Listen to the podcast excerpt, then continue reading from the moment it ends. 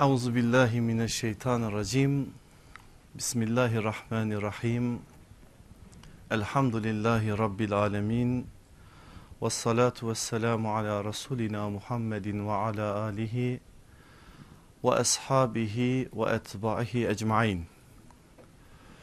Kıymetli kardeşlerim, sizi bir asr-ı saadet tablosuyla bugünkü dersin içerisinde seyahate başlatacağım inşallah. İmam Bukhari Kitabul Edebül Müfredinde naklediyor bu hadiseyi. Hadiseyi bize nakleden büyük bir sahabinin oğlu Ebu Musa el-Eşari'yi artık tanıyorsunuz. Farklı bir isimdir. Efendimizin terbiyesinde çok farklı dersler almış ve bize nakletmiş biridir.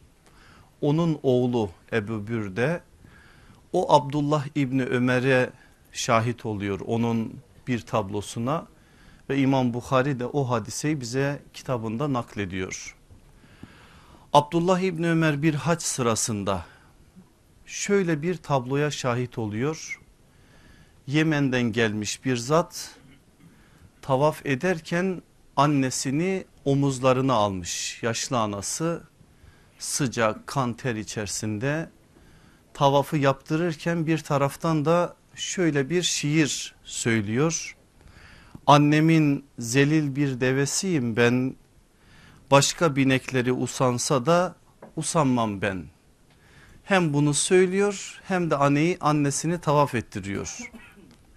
Bir yere geliyor o anda Abdullah İbni Ömer'i karşısında görünce bu Yemenli zat yorulmuş çok farklı bir ruh hali. O anda diyor ki ey Allah Resulü aleyhissalatü vesselamın sahabisi ben acaba anneme karşı olan vazifemi bu halimle yerine getirebilmiş oldum mu? Ödedim mi yani onun hakkını? Abdullah İbni Ömer nübüvvet medresesinde yetişmiş bir yiğit insandır. O hak ve hukuk meselesini çok iyi anlamıştır. Geçmiş derslerde de siz de biraz olsun onlarla tanıştınız ve onun söylediklerini anladınız. Söz şudur Abdullah İbni Mesud'un dilinde. Vallahi hayır. Onun doğum sırasındaki bir ahının karşılığı değil bu. Sen sırtında tavaf yaptırmışsın ama onun doğum sırasındaki bir ahının bedelini bile ödeyememişsin. Sonra da başka şeyler söyler aynı hadis çerçevesinde. Hakkı ödenmeyecek hazineler dedik ya boşuna değil. Çünkü peygamber medresesinde yetişen o güzide insanlar bize bunu öğretiyorlar. O değerler sıralamasını inşa ederken Kur'an'dan ve sünnetten aldıkları ilhamla bizim zihin dünyamızı farklı yerlere doğru götürüyorlar. Kızıyorlar gençler bana biliyorum bazı mesajlar da geliyor içinizden mi internetten dinleyen kardeşlerinizden mi? Çünkü çoğunuzun ismiyle suretini buluşturamıyorum bazen. Hocam çok olmadı mı ana babaya yönelik olan bu mesajlar diyorlar. E vallahi benim yaptığım bir şey yok var olanı ben aktarıyorum. Allah'ın kitabında bu Resulullah sallallahu aleyhi ve sellemin sünnetinde bu. Zorladığını da biliyorum bizi çünkü bizim hepimizin az ya da çok bu konuda sıkıntıları var. E derdimiz de zaten gidermek, inşa etmek, bir şekilde eksiklikleri fark etmek, sünnetin o güzel mesajları çerçevesinde ki sünnet neydi? Ara ara o tarifi veriyoruz o önemli bir şey. Müslümanca düşünme ve Müslümanca yaşamadır. Müslümanca düşünmemizin kodlarını aslında öğreniyoruz. O kodlar çerçevesinde bir şekilde biz zihin dünyamızı Efendimiz aleyhissalatü vesselamın yaşadığı ve söylediği ilkeler çerçevesinde düzenleyeceğiz ve inşallah o konuda da elimizden geldiğince bu arızaları gidermeye çalışacağız. Rabbim hepimizi buna muvaffak kılsın. Arızalarımızı gidersin. Sünnetin o dirilten iklimiyle bizleri de dirilsin. Müslümanca düşünmeyi ve Müslümanca yaşamayı hepimize nasip eylesin inşallah. Bir soru emanet etmiştim sizlere. Çok güzel cevaplar da geldi içinizden bazı kardeşlerden bana. dört tane ayet söylemiştim doğrudan Kur'an'da anne baba hukukunu bize öğreten ayetlerdi bunlar. Ahkaf suresi 15. ayet, Ankebut suresi 8. ayet, Lokman suresi 14 ve 15. ayetler, İsra suresi 23. ayet. Soru da şuydu bu ilgili ayetler genelde ana baba hukukunu nazara verirken ihsandan bahsediyor. Ama biz hadislere baktığımız zaman hadisler doğrudan itaatten bahsediyor ya da itaatin aksi olan isyandan bahsediyor. O isyandan bahsettiği yani ana babaya asi olma meselesi de itaatle alakalı bir meseledir. Haşa burada bir çelişki mi var? Neden Kur'an ihsan derken doğrudan hadisler itaat diyor? Bir problem mi var burada? Yoksa birbirini tamamlayan birbiriyle buluştuğu zaman farklı mesajlar ortaya çıkaran bir mesajlar manzumesi mi var? Onu anlamaya çalışacağız. Ama geçen ders bir şey söyledim size. Söz bu noktaya geldi. Makam ile makal uyumlu olmalı ki söz biraz daha tesir etsin. Ortadan da konuşabilirsiniz bazı meseleleri ama bazen yerli yerine geldiği zaman zaman ve mekanda o konuyla bütünleşince söz biraz daha zihinlerimizde tesirli kalıyor. Ben şimdi bu mesele üzerinden Kur'an'ı anlama ve algılama noktasında bir yere götüreceğim sizi. Sadece bu mesele üzerinden biraz o meseleyi anlamaya çalışacağız. Sonra tekrardan asli meselemize döneceğiz. Benim aziz kardeşlerim ilk günden bu tarafa yani Kur'an'ın nazil olduğu andan şu ana kadar biz Kur'an'a muhatap olanları şöyle bir sınıflandırsak karşımıza üç sınıf çıkar. Birisi Kur'an'ın doğrudan muhatapları. İkincisi dolaylı muhataplar. Üçüncüsü modern muhataplar. Birincisi doğrudan muhataplar. Onlar kim? Aleyhissalatü vesselam Efendimiz ve sahabe-i kiram efendilerimiz. Kur'an'ın canlı tanıkları ayetler onların üzerine iniyor. Allah onları muhatap alıyor yaptıkları iyi şeyleri taltif ediyor takdir ediyor ayet olarak yazıyor. Yaptıkları eksik şeyleri noksan şeyleri hatalı şeyleri de ayetler indirerek onları düzeltiyor. Sahabe neslinin Kur'an'la yoğrulan o hali acayip bir hal ve o onlara mahsus bir şey. O bahtiyarlık sadece onların elde edeceği bir şeydi.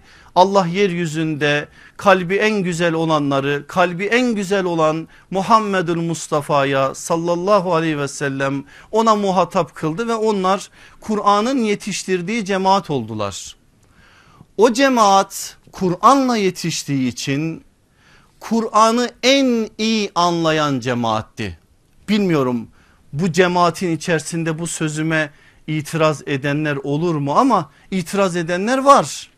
Hayır diyorlar. Biz şimdi daha iyi anlıyoruz. Onları o kendileri bileceği. Ama bizim bildiğimiz bir şey var ki sebebi nüzülü bizzat kendileri olan sebebi vurudu. Yani ayet, ayetlerin iniş sebebi bizzat kendileri olan o kutlu cemaat Kur'an'ın direkt muhatapları oldukları için yaptıkları yanlışlar yaptıkları doğrular direkt sema tarafından taltif edilip ya da bir şekilde eleştirildiği için farklı bir bakış açıları vardı onlarda.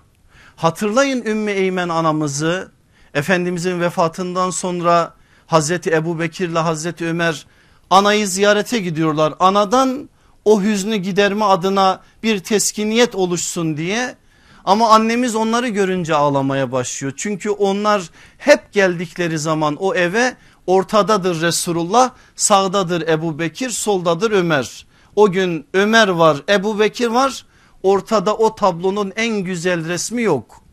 Ağlamaya başlıyor ağladığı zaman içeriye girdikleri zaman Hazreti Ebu Bekir ile Hazreti Ömer ana diyorlar biz buraya teskin olmaya geldik.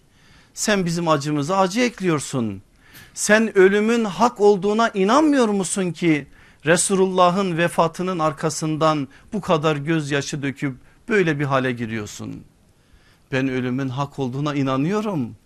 Ben bir gün Resulullah'ın öleceğini de biliyordum. Ancak beni şu anda hüzünlendiren o değil onun ötesinde bir şey. O içimizdeyken yani Efendimiz yaşıyorken Allah bizimle konuşuyordu. İyi şeyler yaptığımız zaman ayetler iniyordu bizi takdir ediyordu. Yanlış şeyler yaptığımız zaman ayetler iniyordu bizi eleştiriyordu.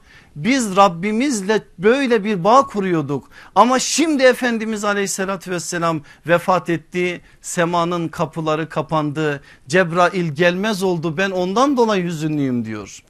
Çok iyi anlamış birisi ve o anladığının üzerinden meseleyi bize söylüyor. Onun için sahabe nesli dediğimiz o bahtiyarlar topluluğu o güzel nesil Kur'an'la yetişen bir cemaat olduğu için Kur'an'ı en iyi anlayan cemaatti.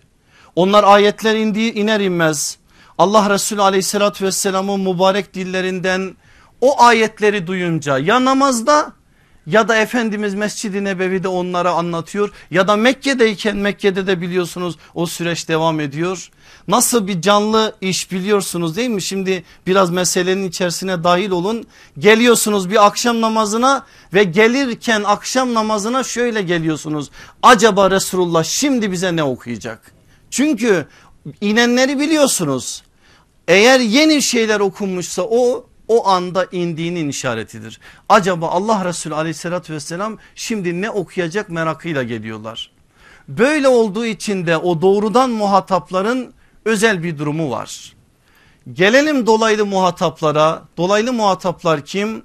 Sahabe neslinden sonra gelen en hayırlı ikinci nesil ondan sonra gelen en hayırlı üçüncü nesil bilmiyoruz iş dördüncü nesle gidiyor mu? Nereden çıkarıyoruz bunu? Allah Resulü aleyhissalatü vesselam söylüyor.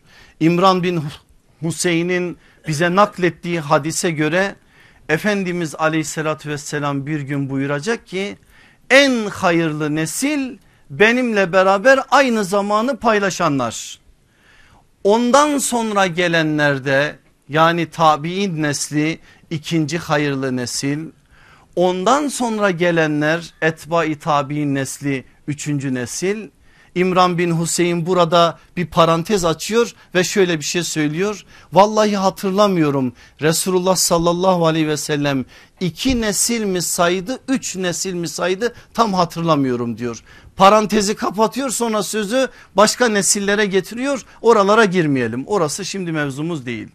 Buradan da elde ettiğimiz bir bilgiyle şunu anlıyoruz ki en hayırlı nesillerden sonra gelen yani vahyin canlı tanıkları olan sahabi sahabiye canlı tanık olan tabi'in sahabeyi görmüş ve onlardan direkt Kur'an ve sünneti almış olan nesil tabi'in o tabi'in neslini görüp direkt onlardan Kur'an'ı ve sünneti almış olan etbay tabi'in nesli. Bu nesiller en hayırlı nesiller ve dolayısıyla en doğru anlayanlar en doğru anlayanları yetiştirdiler. Bugün biz mesela tabi'in neslinden bahsediyoruz. Adı Said İbni Cübeyr'dir. Adı Said İbni Müseyyep'tir. Adı İmam-ı Azam'dır.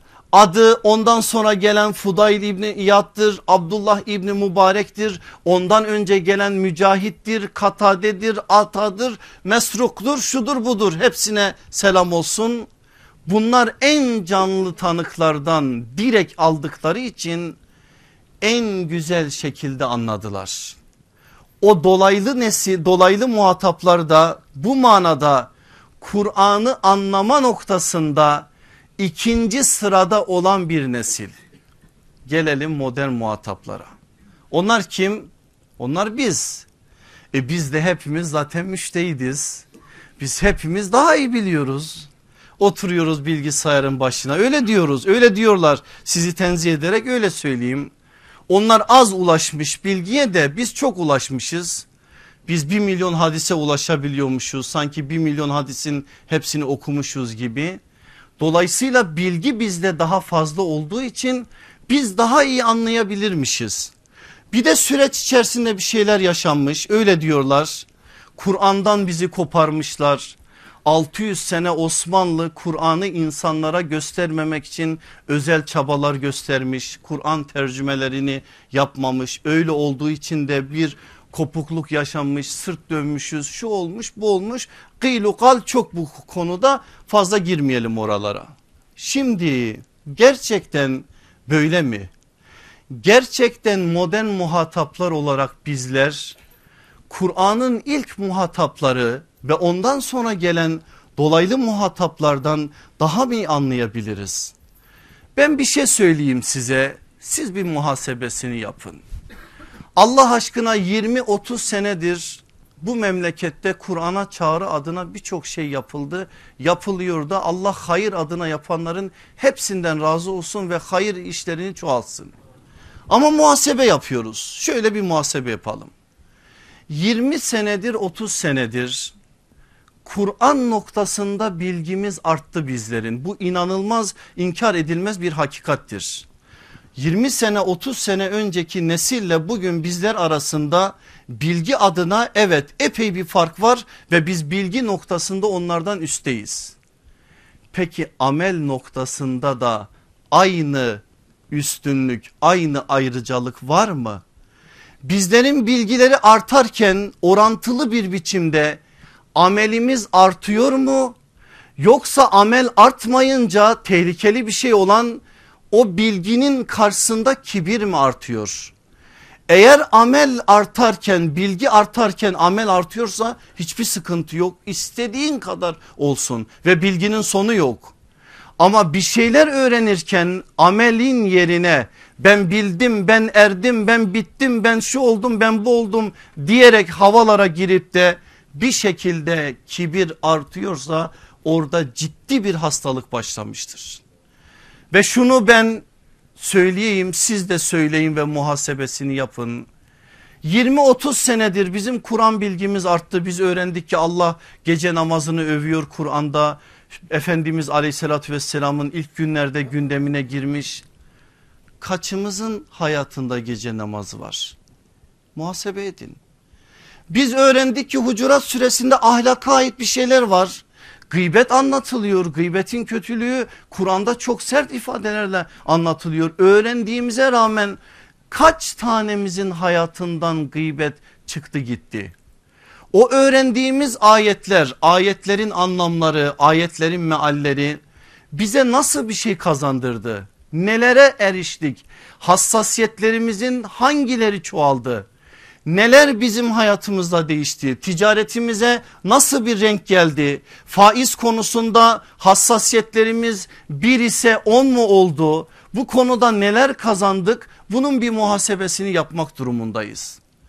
Eğer bunu yapmazsak o kibir farklı bir şeydir. Bir gün onun da belki mustakil bir dersini yapmak gerekir. Adım adım insanı götürür. Şeytanı da öyle götürdü zaten öyle bir noktaya gelir kaydırır ki insan bir daha da oradan toparlayamaz Allah muhafaza. İşte biz bu yanlışa kapılmamak için bu şekilde bize telkinleri bir kere bir arkamıza atmamız lazım. Ve şu ön kabulü kabul etmemiz lazım. Kur'an'ın canlı tanıkları bizden daha iyi Kur'an'ı anladılar. Bizden daha iyi Kur'an'ı yaşadılar. Böyle olursa bu nokta bizi nereye getirir biliyor musunuz? Şimdi bir ayet hakkında bilgi almak istiyoruz. Açıp sözlükleri açıp Arapça sözlüklerini o kelime Arap dilinde ne anlama geliyor? Kelimenin üzerinden biraz dilsel tahliller yaparak neticeye ulaşmaktansa şunu yaparız. Biz deriz ki biz modern muhatabız Dolaylı muhataplar var doğrudan muhataplar var. Bir bakalım onlara nasıl anlamışlar? Nasıl anlamışlar ve bu konuda o ayet onların hayatına nasıl intikal etmiş? Onlar nasıl anladılar anlamadılarsa da Resulullah'a bu konuda sorular sordular mı? O sorular bizim kitaplarımızda kayıtlı bir baksak neler buluruz diye bir şeye girsek. E tabi'in nesli sahabeden devraldı eğer onlar devralırken anlamadıkları bir ayet varsa bir kelime varsa anlamadıkları ve güçlük çektikleri bazı metinler varsa sordular. O sorular karşısında sahabe ne dedi onlara? Tabi'in ne dedi etbayı tabiine bunlar öğrensek biz meseleyi daha doğru bir biçimde anlarız. Yok eğer böyle yapmazsak açtık sözlüğü Allah ne verdiyse o anda kelimeyi öyle çevirdik ve öyle anlamlandırdık. Bazen işi çok tehlikeli noktalara getirebiliriz Allah korusun. Şimdi burayı ön bilgi kabul edin asıl meselemize şimdi gelelim. Allah'ın kitabında ana baba hukuku meselesi ihsan olarak mı aktarılıyor itaat olarak mı? İlk bakışta ihsan zaten biz de onu söylüyoruz. Peki ihsan deyince biz ne anlıyoruz? Şimdi sözlük üzerinden gittiğimiz zaman Varacağımız yer belli. Onun için görürsünüz öyle makaleler. Allah bize kitabında itaatten itaat istemiyor, ihsan istiyor. Ana babaya asıl olan itaat değildir, ihsandır deyip bu manada da çok farklı şeyler dillendiren insanlar var. İhsan ne ki itaatten aykırı olsun? Bir kere onu bir tespit edelim. İhsana bakıyoruz. Nebevi medrese ihsanı sözlük üstü bir tanım ile tanımlıyor. Sözlüklerde öyle bir tanım yok. Sözlük üstü bir tanımla tanımlıyor. Meşhur Cibril hadisi hepiniz biliyorsunuz. İman, İslam, ihsan ondan sonra da kıyametin alametleri Efendimiz aleyhissalatü vesselama Cebrail tarafından soru cevapla söylenen o hadisi hepiniz biliyorsunuz. Nedir ihsan? Efendimiz aleyhissalatü vesselam cevap veriyor. Allah'ı görüyormuşçasına ona kulluk etmen ona ibadet etmendir. Sen onu görmüyorsan da o seni görüyor. Aleyhissalatü vesselam Efendimiz sözlüklerin üstünde bir tanım ortaya koydu. Ve ihsanın ufacık bir yardım, ikram, taltif, takdir olmasının ötesinde daha da farklı bir anlamı ihtiva ettiğini söyledi. Bunu söylediği zaman ve bu çerçevede sahabe meseleyi anladığı zaman Resulullah'tan 50'ye yakın duydukları ana babaya isyan ve itaat noktasındaki hadislere karşı soru sorma ihtiyacı duymuyorlar.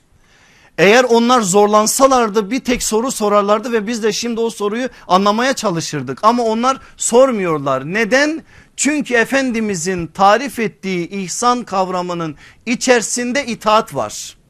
Somut bir örnek vereyim anlaşılsın mesele. Ana ve babalarımız bizden su istedi. Biz de evlat olarak onlara suyu ikram ettik. Ne, ne etmiş olduk? İtaat etmiş olduk. Peki ihsan ne? İhsan şu su istemeden onlara su vermek istetmeden itaat etmek. Onun için her ihsan kavramının içerisinde itaat var. Ama her itaatte ihsan yok. Bazı itaatler vardır ki orada söylenen yerine getirilir. O konuda başka bir şey de konuşulmaz. Ama bazı yerlerde ihsan vardır ki o ihsan itaati içerisinde barındırır. O itaatin üstünde de başka şeyler vardır. Allah'ı görüyormuşçasına Allah'ın emrine uyarak ana babaya itaat etmenin adı ihsandır. Ve Kur'an bunu söylüyor. Aleyhissalatü vesselam Efendimiz de o kutlu beyanlarında bunu bizlere söylüyor. İşin bir başka boyutu daha var ona da dikkat etmemiz gerekir. Sebebi nuzul ve sebebi vurut dedik ya Şimdi bu söylediğim ayetler Ahkaf 15, Ankebut 8, Lokman 14, 15, İsra 17, 23, 23 affedersiniz 17 sürenin sırası 23. ayet. Bunların hepsi Mekki sürelerdir. Mekke'de inmiş sürelerdir ve hepsinin sebebi nüzulünde sahabilerin müşrik olan anne ve babaları söylenir. Dikkat buyurun çok önemli bir husus sebebi vurudun ve sebebi nüzulün Kur'an mesajını anlama noktasındaki katkısı buradan anlaşılıyor. Eğer burada Kur'an o ilk muhataplara itaatten bahsetseydi belki o daha sonra daha farklı bir biçimde izaha, izaha ihtiyaç duyacaktı. Ama ihsandan bahsetti o ihsandan bahsedince müşrik analara ve babalara iyilik ve ikram olarak anladı. İlk muhataplar sonra Efendimiz aleyhissalatü vesselam da çeşitli beyanlarda bulundu. Ayetlerin içerisinde de zaten şirke dair günaha dair bir davet olduğu zaman asla itaat edilmeyeceğine dair bir bilgi var. Mesele daha iyi anlaşıldı ilk muhataplar çerçevesinden. Dolayısıyla biz bu ayetleri okuduğumuz zaman ne çıkarıyoruz buradan? Eğer müşrikse ana baba ihsan var itaat yok. Özellikle de dini alanlarda. Ama müminse ama Müslümansa ihsan içinde itaatle birlikte var. Dolayısıyla biz bu meseleyi bu şekilde anladığımız zaman Kur'an'la hadislerin hiçbir zaman birbiriyle çelişmediği gibi bu alanda da çelişmediğini görürüz.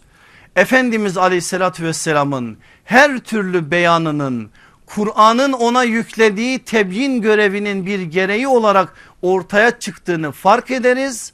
Hadisleri Kur'an'ı anlamada en önemli kaynak olarak anlar. İlk muhatabın bize aktardığı bilgiler ışığında Allah'ın kitabını anlamaya çalışırız. İnşallah Rabbim bizlere de bu manada anlayışlar nasip eylesin.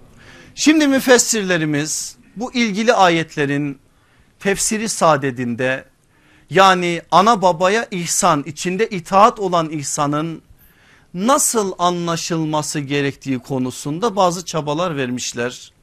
Aleyhissalatü vesselam Efendimizin de kutlu beyanları var ki ben o beyanların büyük bir bölümünü sizlerle paylaştım. Bunlar çerçevesinden bir değerlendirme dersi yapacağız bugün ana babaya ihsan deyince somut olarak bizler ne anlamalıyız? 10 tane maddeyi sizlerin nazarlarına veriyorum. 1. Onlara karşı sesi yükseltmemek. Onlara karşı sesi yükseltmemek. En güzel kelimelerle konuşmak. Kur'an bunun çok güzel örneklerini veriyor. Ya ebeti diyor mesela. Ey babacığım diyor bir şefkat, merhamet, bir güzellik var o hitabın içerisinde. Aynısını Kur'an yine bu ilgili ayetlerde tevazu kanatlarını indirebileceğin kadar onlara indir. En güzel cümlelerle onlarla konuş diye bize uyarıda bulunuyor. Dolayısıyla ihsandan bahsettiğimiz bir yerde birinci olarak onlara karşı sesi yükseltmemek maddesini en başa yazalım. İki kötü nazarlarla bakmamak. Bazen sözle değil insan bakışlarıyla da başka birisine zarar verebilir. Bizim delikanlarımızın bazıları öyle bir bakıyorlar ki babaya anaya babanın ananın öyle kopuyor. Artık söyleyecek bir şey de bulamıyor. O nazar da kötü işte o nazar ihsana aykırı bir şey. Sen içeriye girdiğin zaman geldin ya eve Anne baba evde en güzel bir biçimde bir yüzünde tebessüm olacak. Onlara o güzelliği o hoşnutluğu yansıtacaksın. Varacaksın ellerini öpeceksin. Hatırla Ebu Hureyre'nin annesiyle konuşmasını biraz gönlünü alacaksın. Alttan gireceksin üstten çıkacaksın şaka yapacaksın bir şeyler yapacaksın. Orada o halini yansıtacaksın farklı bir ruh hali farklı bir tablo asla orada ortaya koymayacaksın. Çünkü bizden istenilen ihsan böyle bir şeyi bizlere yükler. Üçüncüsü onlardan önce söze başlamamak konuştuklarında sözlerini kesmemek. Tekrar edeyim mi? Onlardan önce söze başlamamak konuştuklarında sözlerini kesmemek. Ben susayım Abdullah İbni Ömer konuşsun. Bu ne demek? Nasıl anlaşılmalı? O bize söylesin.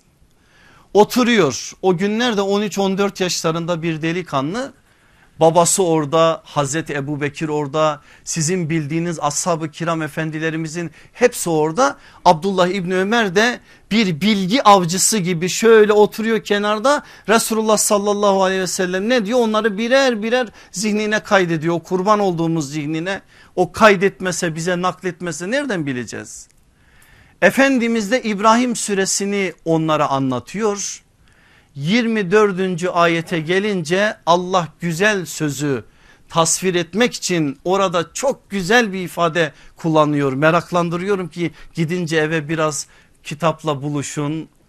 Orada bir soru soruyor Efendimiz. Burada söylenen ağaç hangi ağaç diyor? Sahabe birbirine bakıyor. En güzel cevap da şudur zaten Allah ve Resulü daha iyi bilir. O sözü de söylüyorlar. Efendimiz aleyhissalatü vesselam da diyor ki o ağaç hurma ağacıydı. Meclis dağılıyor baba oğul eve giderken Abdullah İbni Ömer babasına diyor ki baba diyor Resulullah o soruyu sorduğunda vallahi ben sorunun cevabını biliyordum. Peki diyor niye söylemedin? Baba diyor nasıl söyleyeyim sen oradasın Ebu Bekir orada ashabın büyükleri orada Resulullah'ın huzurunda sizin bilmediğiniz bir soruyu ben nasıl söylerim? Hay senin ahlakına kurban olalım. Budur işte. Bakın ihsan dediğimiz şey bu işte. Nasıl kavramış 13-14 yaşlarında bir gencin bu meseledeki anlayışıdır işte bizim varmak istediğimiz nokta. E şimdi bakıyorsun ne saygı, ihtiram öyle rahat öyle rahat. Babaların yanında ayak ayak üstüne atma mı dersiniz?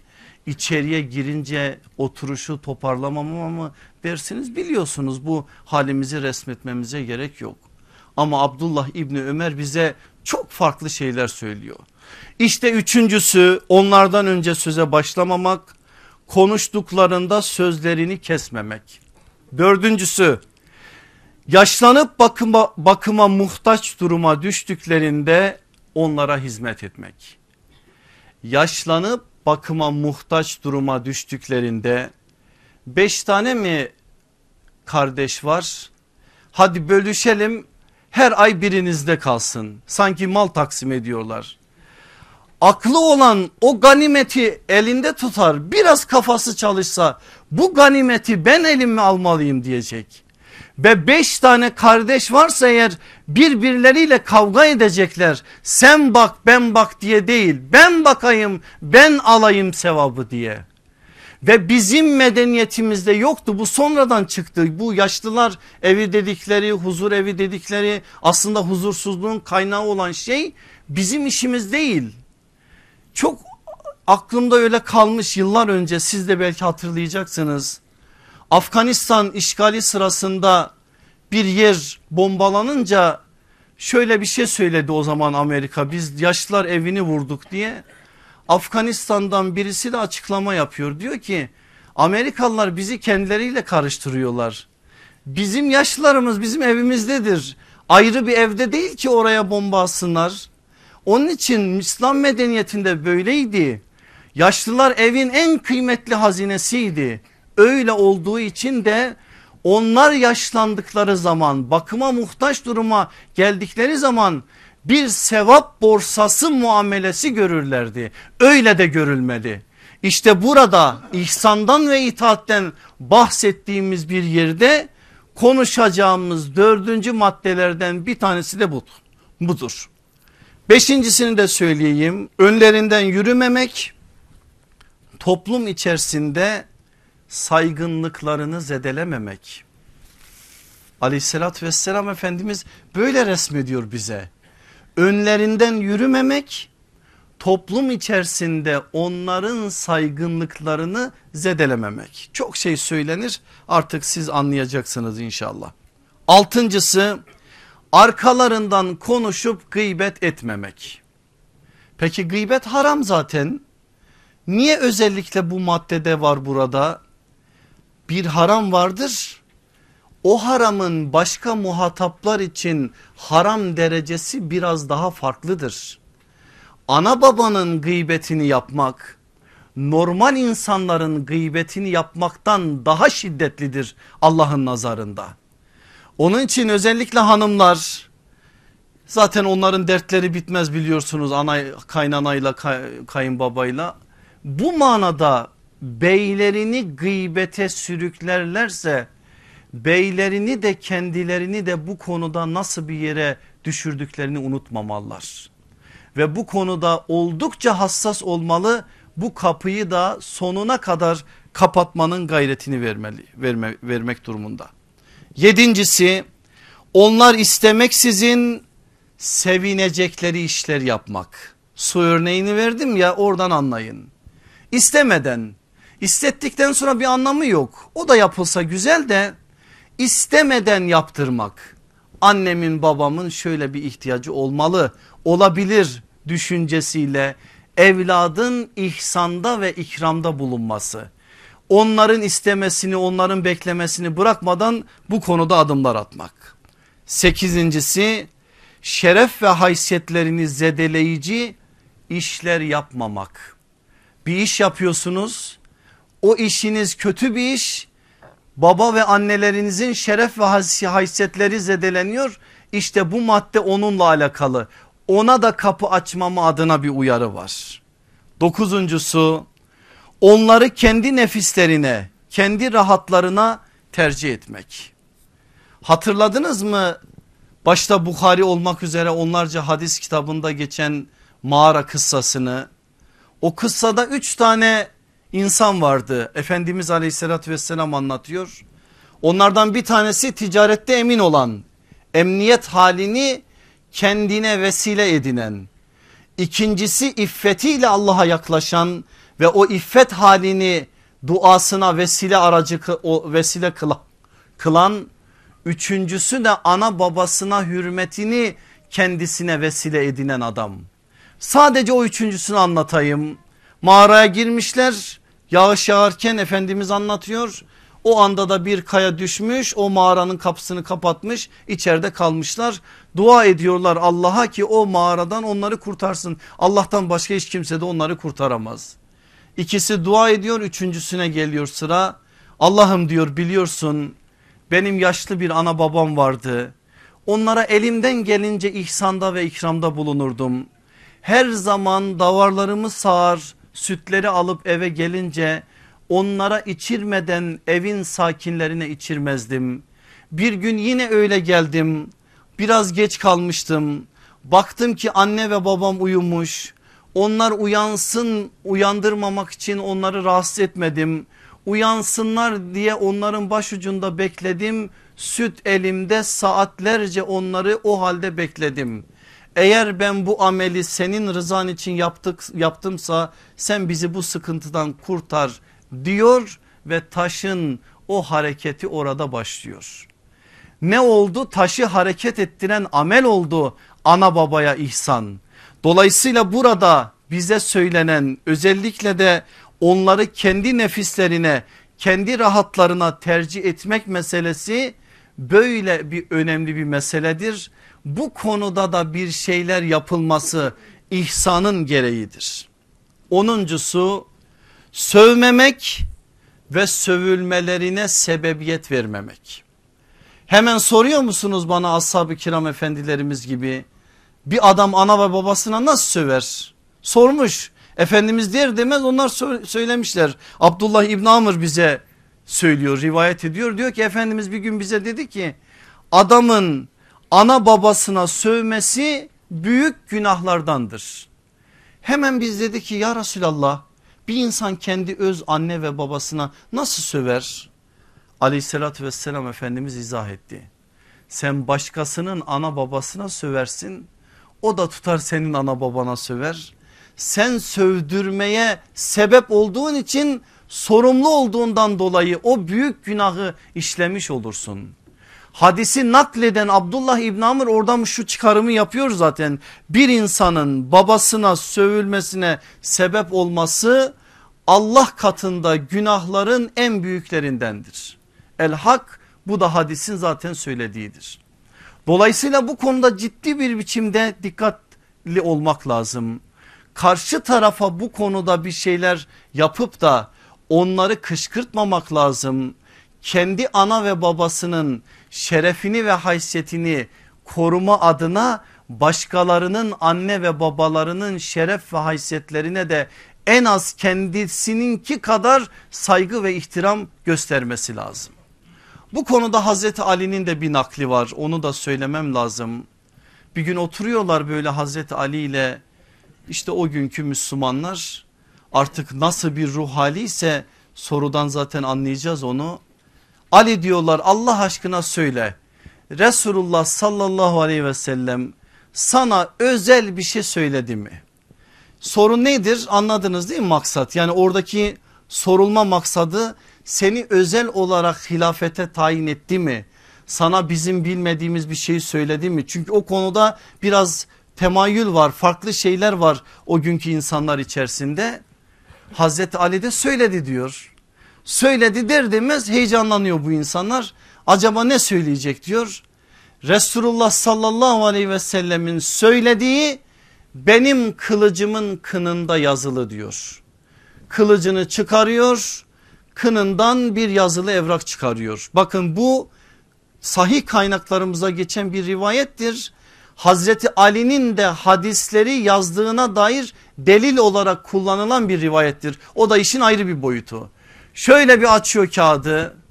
Allah Resulü aleyhissalatü vesselam bana dedi ki Allah adına Allah adından başkasına putlara ve şahıslara hayvan kesene Allah lanet etsin.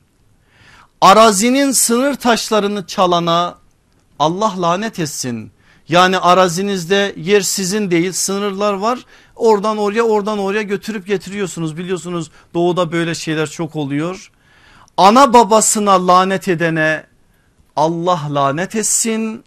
Bir fesatçıyı toplumu birbirine düşüren bozguncuyu himaye edene Allah lanet etsin.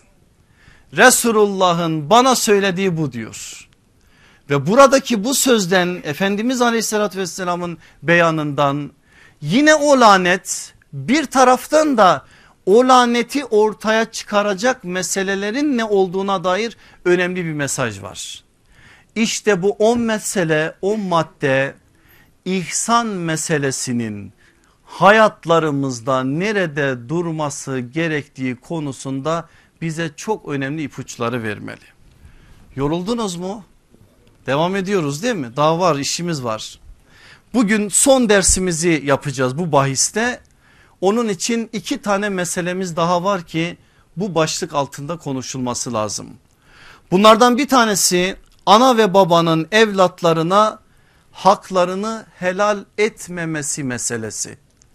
İkincisi de anne ve babanın vefatlarından sonra evladın yapması gereken sorumluluklar meselesi.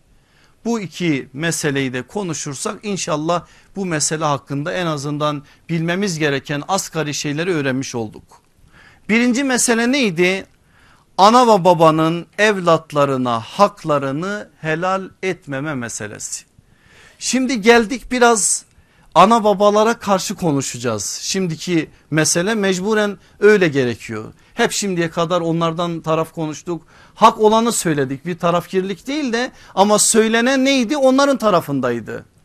Ancak buradaki mesele anne ve babalara çok önemli bir şey söyler. Bazen bu konuda anne ve baba olarak bizler biz artık kendi anne ve babalarımıza bir şey söylemeyeceğimizi baştan söyledik zaten. Biz anne ve babayız biz şimdi kendimizin üzerinden konuşuyoruz. Bu konuda biraz gevşek davranıyoruz. Bir bakıyorsun en ufak bir şey anne diyor ki sütümü helal etmem. Sütümü haram ederim. Baba diyor ki seni evlatlıktan atarım. Seni reddederim. Çok rahat konuşuyoruz bu kelimeleri. Ama bir bilsek bu kelimelerin sonradan nelere sebebiyet verdiğini böyle bir şey bir anda farklı bir noktadan çıkarsa yürekten Allah nazarında farklı bir şekilde kaydedilirse yarın o evlatların başına neler açacağını hiçbir zaman ana ve baba unutmamalı. Burada çok önemli bir nokta var aziz kardeşlerim. Ana ve babaya üf demek çok önemli çok dehşetli bir haldir. Kur'an'ın açık beyanı. Öyleyse eğer ana ve babaların bu noktadaki hassasiyeti şu olmalı. Ben öyle davranmalıyım ki çocuklarıma üf dedirtmemeliyim. Dolayısıyla buradan bize böyle bir mesaj var. Öyle davranmalıyım ki benim yaptıklarıma karşı üf dememeliler. Öyle davranmalıyım ki onları çileden çıkarmamalıyım. Onları günaha sevk etmemeliyim. Çünkü onların günaha sevk edilmesi anne ve baba olarak en fazla yine bizi yakacaktır. Hangi anne ve baba evladının ateşte yanmasına gönlü razı olur? Evet kızdırıyorlar bizi bir şeyler söylüyoruz. Ancak biraz sonra unutup gidiyoruz. O halde dişimize sıkacağız. Nuh aleyhisselam aklımıza gelecek. Bin sene evladın peşinde dolaşsak bile son anda bile el uzatacak olan konumda olduğumuzu hiçbir zaman unutmayacağız. Ve bu konuda beddua cümlelerini kınama cümlelerini çok rahat bir biçimde kullanmayacağız. Dilimizi bu konuda terbiye edeceğiz. Dişimizi sıkacağız, alacağız bir şey ısıracağız, çıkacağız dışarıya bahçe varsa bahçede yoksa banyoda bağıracağız. Başımızı suyun altına koyacağız ne yapacaksak yapacağız. Asla beddua dilimizden çıkmayacak. Yoksa yakarız ve sonra biz yanarız Allah korusun. Bakın asr-ı saadetten bir tablo bize nasıl bir mesaj verecek. Ahmet bin Hanbel Müsnet'te aktarıyor. Taberani Mucem'inde aktarıyor bize şu aktaracağım tabloyu. Efendimiz aleyhissalatü vesselam oturmuş sahabiyle birlikte bir sahabi efendimiz geliyor telaşlı telaşlı meclise. Ya Resulallah diyor falanca genç ölmek üzere başucundayız. La ilahe illallah diyoruz. Telkinde bulunuyoruz. Genç bir türlü söylemiyor. Konuşuyor başka şeyler söylüyor ama bir türlü son kelimeyi söylemiyor. Kelime-i tayyibe, kelime-i tevhid dilinden çıkmıyor. Ne söylüyor sizin iman ettiğiniz peygamberiniz? Dikkat buyurun dikkat. Öyle dehşetli öyle önemli bir mesaj var ki burada. Resulullah'ın ilk sorduğu soru şu. O genç namaz kılıyor mu? Evet diyorlar. Efendimiz hayret ediyor. Demek ki namazsızlık öyle bir hali gerektiriyormuş. Efendimizin o beyanından onu anlıyoruz. Çünkü namaz imandan sonra en büyük hakikat imanın ikiz kardeşi müminin en temel vasfı kabrin ilk sorgusu cennette bizi ulaştıracak sırattaki arkadaş. Öyleyse eğer ilk sorguyu soruyor Efendimiz o genç namaz kılıyor muydu? Evet diyorlar. O zaman bir bakayım diyor Efendimiz. O zatla beraber o gencin yanına gidiyor. Varıyor gencin yanına.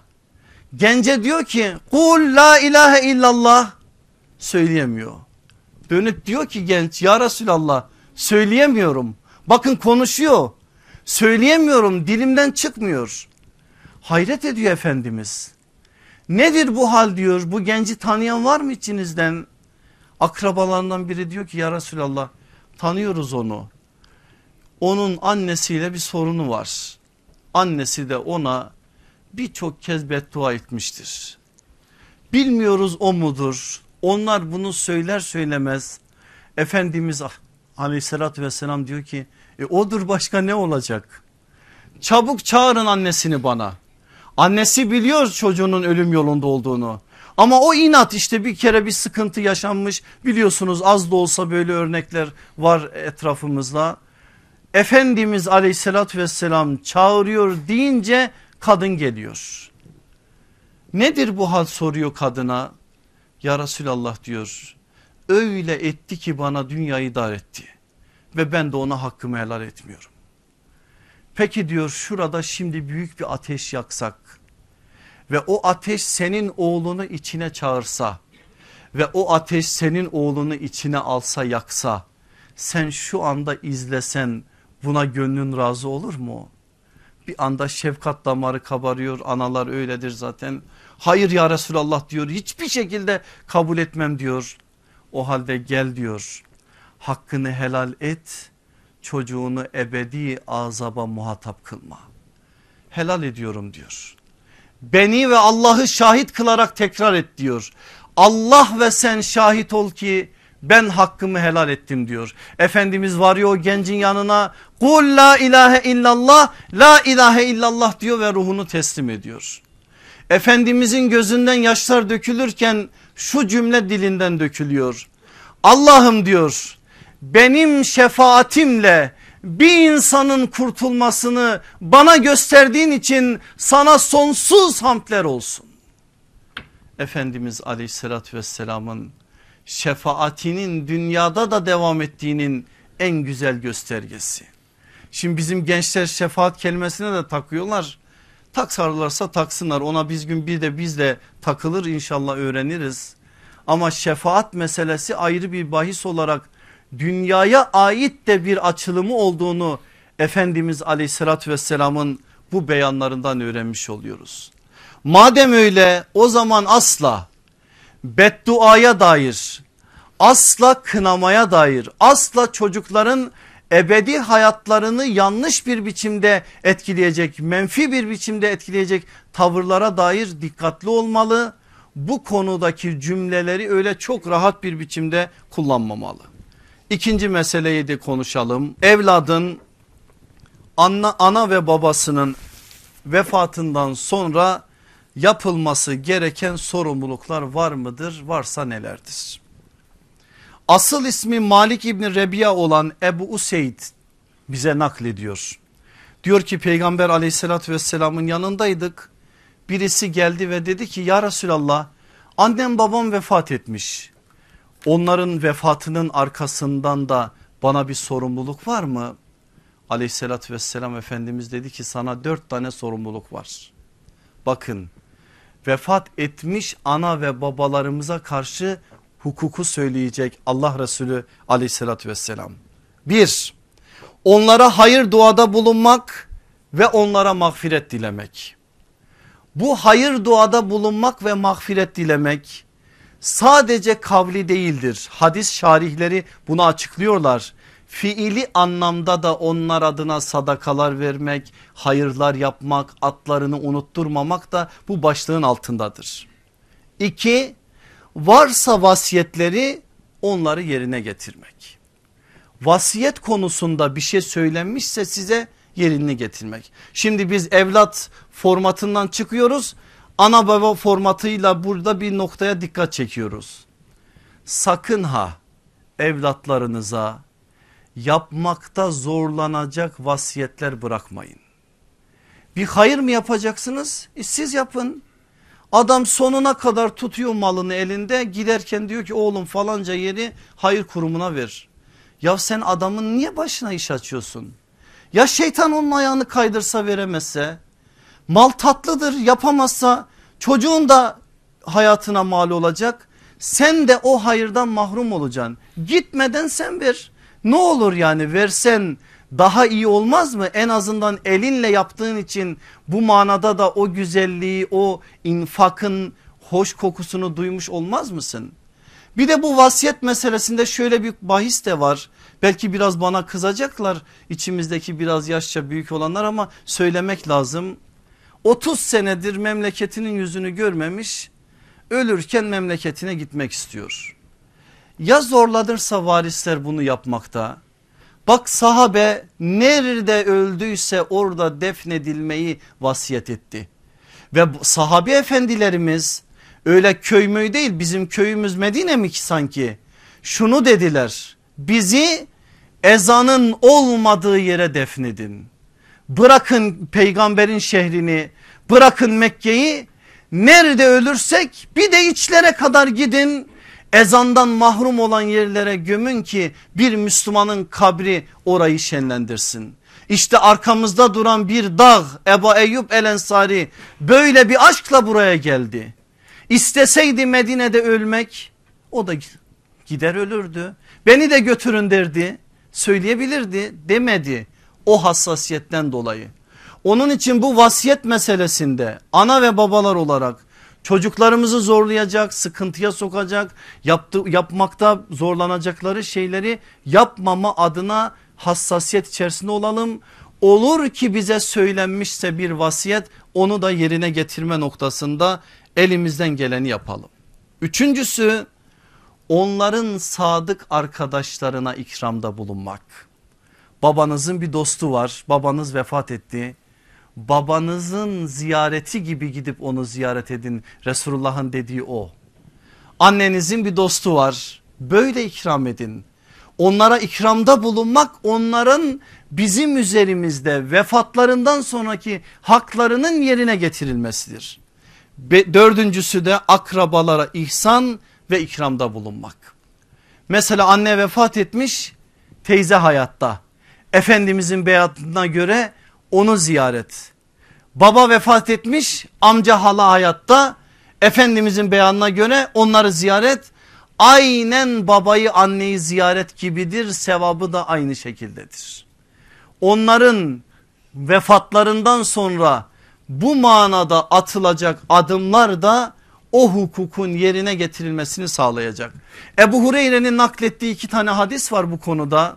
Onlardan bir tanesi şu ölümden sonra diyor Efendimiz aleyhissalatü vesselam bazı ölülerin dereceleri yükselir. Ve ölüler merak ederler sorarlar Rablerine. Ya Rabbi ne oldu ki bizim derecemizi yükselttin? Derler ki çocuklarınız sizin için mağfiret diledi ve o mağfiret de sizin derecenizi yükseltti. Allah şu anda burada hazır bulunan cemaatin ve bizi şu anda dinleyen bütün cemaatin ölmüşlerine rahmet eylesin, mağfiretiyle yargılasın inşallah. İkinci hadisi çok iyi biliyorsunuz. Aleyhissalatü vesselam Efendimiz üç amel defteri kapanmaz diyor. Sadakayı cariye, ilim ve salih ve saliha evlat. İnşallah salih ve saliha evladın her adımı ana ve babanın hesap defterini kapatmayacak. Melekler yazacaklar da yazacaklar. O ellerinden tabir caizse hiçbir zaman kalem düşmeyecek. Şimdi bunların hepsini anlattım anlattım da diyorsunuz ki iyi hoş da hocam gel sen bunları bizim hanıma anlat. Hanım takmış kafayı bizimkilere ne beni bırakıyor ne de kendisi geliyor. Bu konuda ne kadar çok yaramız varmış. Bu bahisi ben anlatmaya başladığım andan beridir. Aldığım mesajların büyük bir bölümünde ne yazık ki kardeşlerimiz bu konuyu anlatıyorlar bana. Hocam evlendik diyor işte evlendik takım meselesi nişan meselesi düğün meselesi bizim hanım taktı bir bizimkilere gitmiyor gelmiyor bırakmıyor beni de gidip geleyim. Gidip geldiğim zaman evde cinayet çıkıyor. Ne söylenir bilmiyorum aslında çok şey söylenir de belki ilerleyen derslerde bu konuda biraz daha derinlemesine durmak lazım evlilik meselesini falan konuştuğumuzda. Şimdi İmam Malik'ten size çok önemli bir formül vereceğim. Ancak öncesinde birkaç şey söyleyeyim. Şunu hiçbir zaman unutmamamız lazım. Ne biz hanımlarımızın anne ve babalarını sevmek zorundayız. Ne onlar bizim anne ve babalarımızı sevmek zorunda. Sevgi meselesi ayrı bir meseledir. Ve o sevgiyi biz hiçbir zaman dayatamayız. Böyle bir hakkımız yok onlar da bize dayatamaz. Ama hiçbir zaman bir hanım kocasına ailene gitmeyeceksin ailenle ilgilenemeyeceksin diyemez. Bir koca da hanımına aynı şeyi söyleyemez. Bir koca hanımını ana ve babasından mahrum edemez. Buna hakkı yoktur. Peki yapıyorlar yapsınlar biz de diyoruz ki yaparsanız yapın Allah var hesap var. Bunun hesabını vereceksiniz. Bunu hiçbir zaman unutmayın. Bu çok önemli bir şeydir. Bu konuda yanlış şeyler yaparsanız Allah bunun hesabını size soracak. Geliyor zatın biri bakın formül inanılmaz bir formül. Belki birçoğunuza basit gelecek ama ne nasıl anlarsanız anlayın. İmam Malik'in formülü. Zatın biri diyor ki ey imam diyor hanımımla bu konuda sıkıntım var. Anne ve babama ikramda bulunsam o gün evde kavga gürültü var. Hanıma ikramda bulunsam ana ve babam da rahat durmuyor onlar sıkıntı yapıyor. İki arada bir derede kaldım diyor ne yapayım diyor. Bazen pazarda bir şeyler görüyorum ana babam yaşlı alıyorum onlara ikram ediyorum. Hanım duyunca evde sıkıntı. Bazen hanıma alıyorum bir şeyler. Hanımı alınca kız kardeşlerim duyuyor. Biliyorsunuz kız kardeşler mahirdir iyi duyarlar. Onlar getiriyorlar haberi bu sefer evde sıkıntı. Ben de ne yapacağımı şaşırdım. Ne diyor İmam Malik biliyor musunuz? Formül çok güzel bir formül. Evladım diyor idare et. Anlatıyor anlatıyor anlatıyor. Cevap bir daha İmam Malik'ten idare et. Başka yapacak bir şey yok. Ne yapacaksın? Bir çözümü olsa eyvallah idare edeceksin. Dolayısıyla bu işin yolu bu idare etmek. Nasrettin Hoca gibi Allah rahmet eylesin mavi boncuğu anaya babaya da vereceksin hanıma da vereceksin. Gireceksin hanıma ona anlatacağım bir şeyler söyleyeceksin ana baba hukukundan bahsedeceksin. Geleceksin anne ve babana eğer hanıma söz dinlettiremiyorsan anne baba siz biliyorsunuz bari siz etmeyin diyeceksin. Oradan gireceksin buradan çıkacaksın bir şekilde idare edip orta yolu bulacaksın. Allah idaremizi idare etsin inşallah. Aziz kardeşlerim sözü fazla uzatmaya gerek yok. Şimdi ben iki tane pencere açacağım. Beşer tane kısa cümleler size emanet edeceğim. Bu da işin ilkeleri olacak. Bu dersle ana baba hukukunu bitirdiğim için son derste de bunları veriyorum. Kısa kısa. Önce meseleye evlat penceresinden bakalım. Bir, nikmet değil nimet bil. Nikmet değil nimet bil. İki, zahmet değil rahmet bil. Üç, zarar değil hazine bil. Dört, dert değil derman bil. Beş, yük değil burak bil. Bir evladın ana ve babasına karşı tavrı böyle olmalı. Nikmet değil yani bir bela olarak görme. Ya ne olarak gör? Nimet olarak gör. Onları zahmet görme rahmet bil sevap kazandırıyorlar. Sen gitsen İslam coğrafyalarının herhangi bir yerinde Allah adına elinden geleni yapsan alacağın sevap neyse bu manada bakıma muhtaç bir anaya ve babaya bakmak onların da eziyetlerine katlanmak noktasında alacağın sevap da aynı bu sözde benim sözüm değil sallallahu aleyhi ve sellem efendimizin sözü. Öyleyse eğer zahmet değil rahmet. Zarar değil hazine. Niye? Evinde hazine.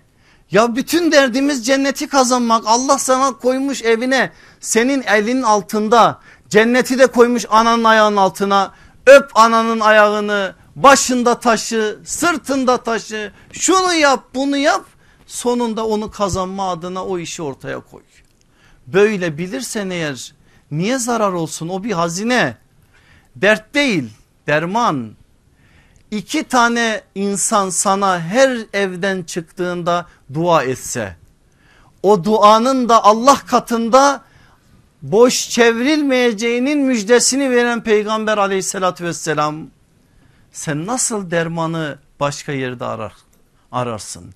Derman senin evinde. Yük değil Burak sen ona bineceksin o vesileye inşallah cennete uzanacaksın. Allah bizleri o salihlerden kılsın inşallah. Meseleye anne ve baba çerçevesinden bakıyoruz.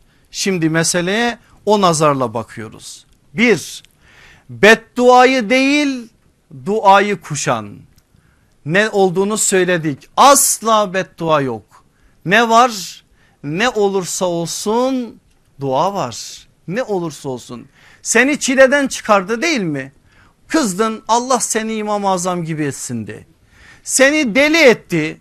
Allah seni Hazreti Ömer gibi etsin de. Ya bir şey söyle söylemen lazım. Söylemesen içinde kalır. Ama söylerken güzel bir şey söyle. Söyle o duaya dönüşsün inşallah. Allah seni ıslah etsin diye bunda bir şey yok sıkıntı yok. Ama asla beddua yok.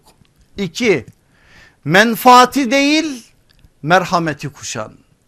Menfaat ile değil merhamet ile anne ve babalar. Üçüncüsü adaveti değil muhabbeti kuşan. Sen onunla girme hanımının üzerinden tartışmaya. Senin hanımın gelmedi, senin hanımın yapmadı, senin hanımın şu, senin hanımın bu deme. Sen ana ve babasın. Sen alttan al. O yabancı geldi daha uyuşacaklar birbirlerine daha zaman lazım. iki farklı insan birbirlerine ısınmaları evin ahlakını öğrenmeleri bir süreç işi. Ama sen yaşını başına almışsın onları evlendirecek kadar olgunluğa gelmişsin. O halde senin evlatlarına adavet adına bir şey yansıtmaya hakkın yok. Onun için adavet değil muhabbet. Dördüncüsü beklenti değil fedakarlığı kuşan. Beklentiyi değil fedakarlığı. Sen gönder. Oğlunu sen gönder.